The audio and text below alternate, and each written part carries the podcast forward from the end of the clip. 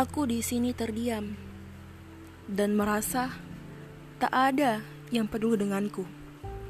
Ruangan ini terang seperti rembulan di malam hari. Hati ini tak lagi sebahagia saat itu. Saat di mana semua luka belum tergoreskan. Tapi sekarang luka ini begitu dalam, sangat dalam sekali. Banyak pertanyaan di benakku. Kenapa ini bisa terjadi? Kenapa ku merasa hanya figuran dalam cerita ini? Setelah dia pergi jauh dan tak kembali, dunia ini seperti hampa bagiku. Dia hanya bisa memberikanku materi. Aku tak mau itu semua. Aku hanya mau kebahagiaan itu kembali.